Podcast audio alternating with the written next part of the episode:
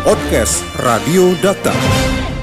Assalamualaikum Pak Kiai. Waalaikumsalam warahmatullahi wabarakatuh. Pak Kiai kita sudah melewati se sekitar 4-5 bulan lah kondisi seperti ini. Nah tentu bagi Betul. para ulama, para tokoh-tokoh yang paling terasa adalah bagaimana tantangan dakwah ini terus dikembangkan di tengah kondisi saat ini. Nah selama kita pandemi seperti ini, bagaimana Pak Kiai melihat uh, dakwah yang dilakukan para ulama dan tokoh-tokoh kita?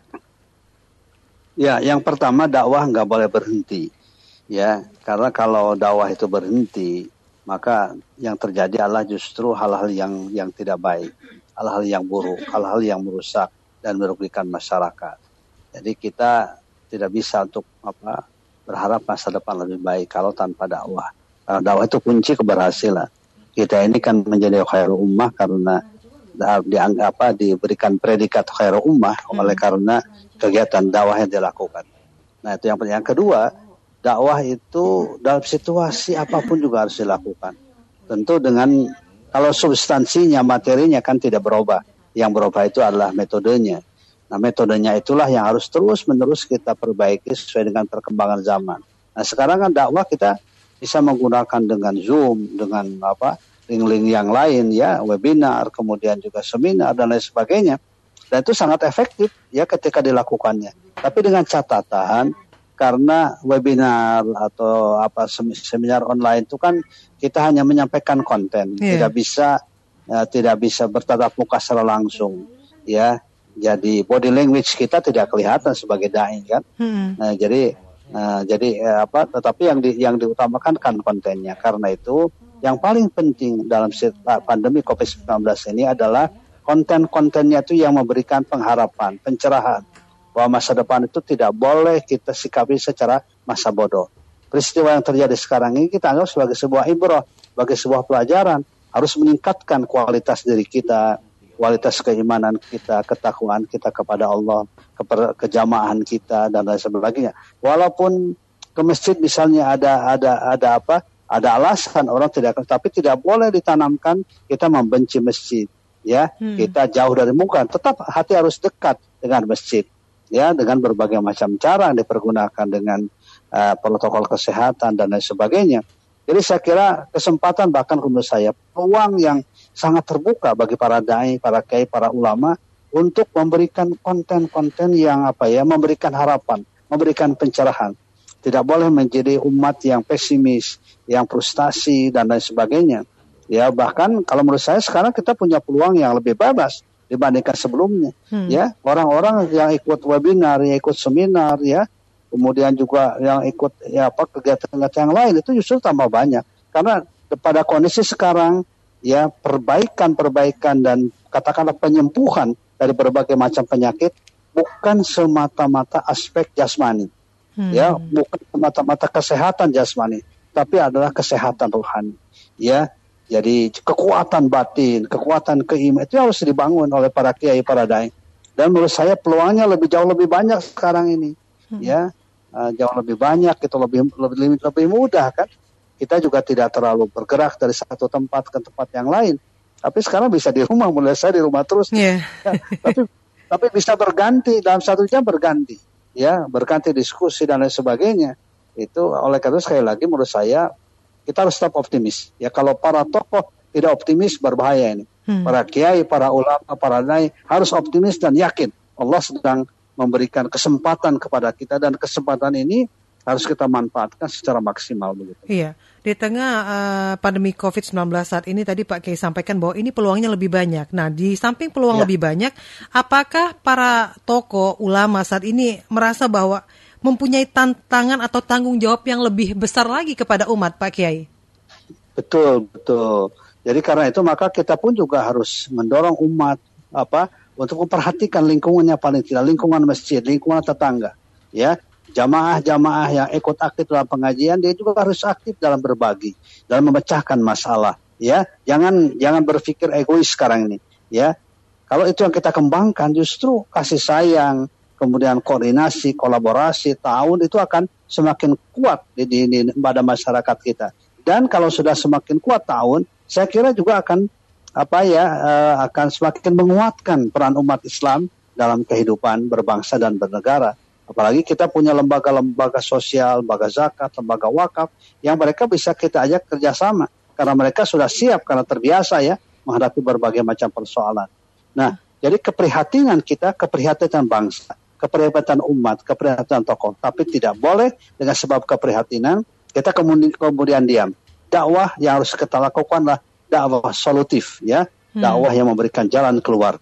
Ya gitu itu yang yang harapan saya begitu. Iya cara dakwah dan konten dakwah yang selama ini dilakukan oleh para ulama dalam menyikapi ya. kondisi sekarang ini sudah sampai di mana kalau Pak Kiai melihatnya? Ya sekarang sudah menurut saya sih eh, sudah terjadi perbaikan yang luar biasa ya. Saya belum apa tidak pernah atau tidak pernah melihat ada konten-konten dakwah yang tidak membangun, yang tidak memberikan harapan, optimisme dalam hidup. Nah, semuanya men menjawab kesabaran yang dibangun ukhuwah, semangat berbagi. Itu kan sebenarnya akhlak-akhlak yang sangat diperlukan dalam pembangunan kehidupan ini. Ya, hmm. dari kalangan dai saya lihat sudah begitu sekarang MUI juga ya selalu memberikan solusi dalam setiap ininya, dalam setiap konten-konten apa hal-hal materi-materi yang disampaikan pada masyarakat.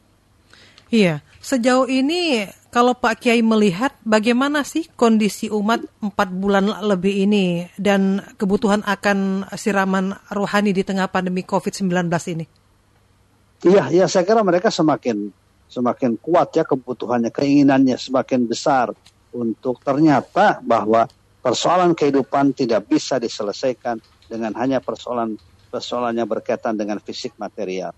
Persoalan kesehatan ternyata tidak bisa diselesaikan hanya dengan kesehatan ya tapi juga persoalan rohani spiritual keagamaan ini misalnya gini ya yeah. saya banyak memberikan WA WA kepada teman-teman para tokoh yang terpapar COVID-19 hmm. ternyata mereka merasakan betul katanya Pak kami ini sebenarnya bukan karena semata-mata sakit jasmani tapi justru psikologi kami kan yang sangat tergoncang itu hmm. ya karena dianggap oleh orang kan kalau sakit apa COVID itu kan dianggap ada sesuatu gitu. Yeah. Nah, tapi dengan doa-doa dari Bapak dan sebagainya, ya mereka kemudian bangkit kembali. Ini anggaplah ini sebagai ujian yang harus kita atasi. Dan salah satu cara mengatasi ujian itu dengan menumbuhkan semangat kembali. Tidak boleh loyo, tidak boleh lemah begitu. Itu yang yang yang dirasakan oleh Jadi semakin saya kira uh, para dai juga harus semakin kuat memberikan konten-konten yang semacam ini. Justru jangan konten merusak, membuat perpecahan, membuat apa uh, tidak nyaman hidup ini dan lain sebagainya. Iya, akankah Betul. akhirnya dengan kondisi seperti ini model atau juga tantangan dakwah Halo? dari para ulama berbeda dibanding sebelumnya, Pak Kiai?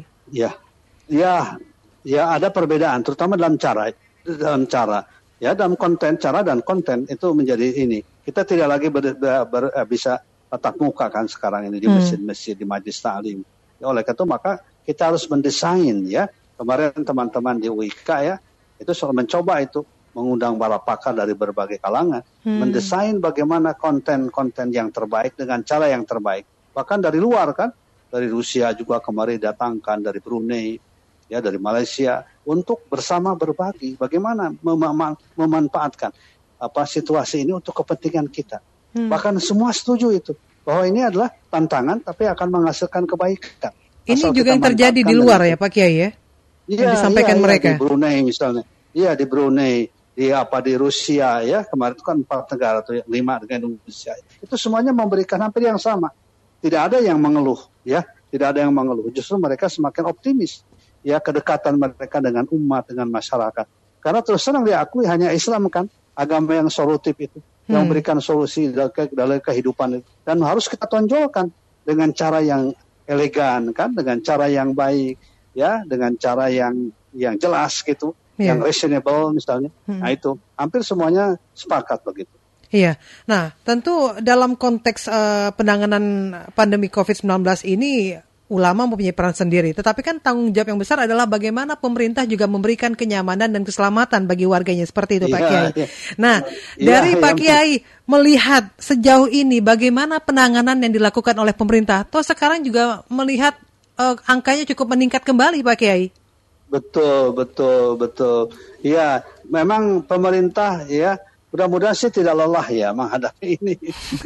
Jadi sehingga tidak masalah harus tetap pemerintah itu kan punya kewajiban. Salah satu adanya pemerintah itu kan justru untuk mengayomi masyarakat, mensejahterakan bukan untuk membiarkan. Ya, jangan jangan sampai pemerintah pusat maupun daerah kelihatan terasa lelah gitu menghadapi keadaan ini. Ini kan kita nggak tahu kapan akan berakhir. Iya. Ya, nah, begitu kan. Jadi karena itu mudah-mudahan pemerintah pusat, daerah juga tetap semangat ya hmm. untuk apa melindungi masyarakatnya dari berbagai macam musibah. Jadi jangan dibiarkan. Jangan ada kesan seolah-olah bahwa ekonomi itu lebih apa tuh, lebih dipentingkan ketimbang kesehatan. Dua-duanya lah harus hmm. ditreatment dengan dengan pendekatan-pendekatan yang baik. Pak Kiai melihat Begitu. itu ekonomi lebih diutamakan daripada keselamatan dari masyarakat. Pada pada mulanya, pada hmm. mulanya. Kan misalnya gini, mall dibuka ya, yeah. mall dibuka. Ternyata orang kan berbondong-bondong ke mall. Apa yang terjadi? Banyak yang terpapar lagi hmm. dengan COVID-19 ini. Akhirnya kan mallnya ditutup kembali, orang bertambah banyak yang terpapar.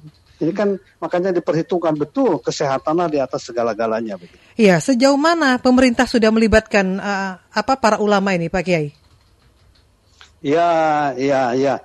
Kebanyakan sih yang saya rasakan itu ya, ya ulamanya lah yang sadar yang, yang merasa itu yang, yang merasa, merasa mempunyai tanggung jawab tanggung lebih jawab. ya. Uh, uh, kita prinsipnya diajak atau tidak ya kita akan berbuat gitu. Mm -hmm. Karena ini umat kita, bangsa kita kan yang harus kita cintai ya. Iya. Nah, gitu diajak atau tidak diajak kita sendiri aja bergerak begitu. Hmm. Ya, toh baik atau bermanfaat buat masyarakat begitu. Kita tidak ya. tahu kapan ini berakhir tetapi paling tidak apa yang ingin Pak Kiai sampaikan kepada umat agar tidak ada kekosongan rohani umat ini, Pak Kiai.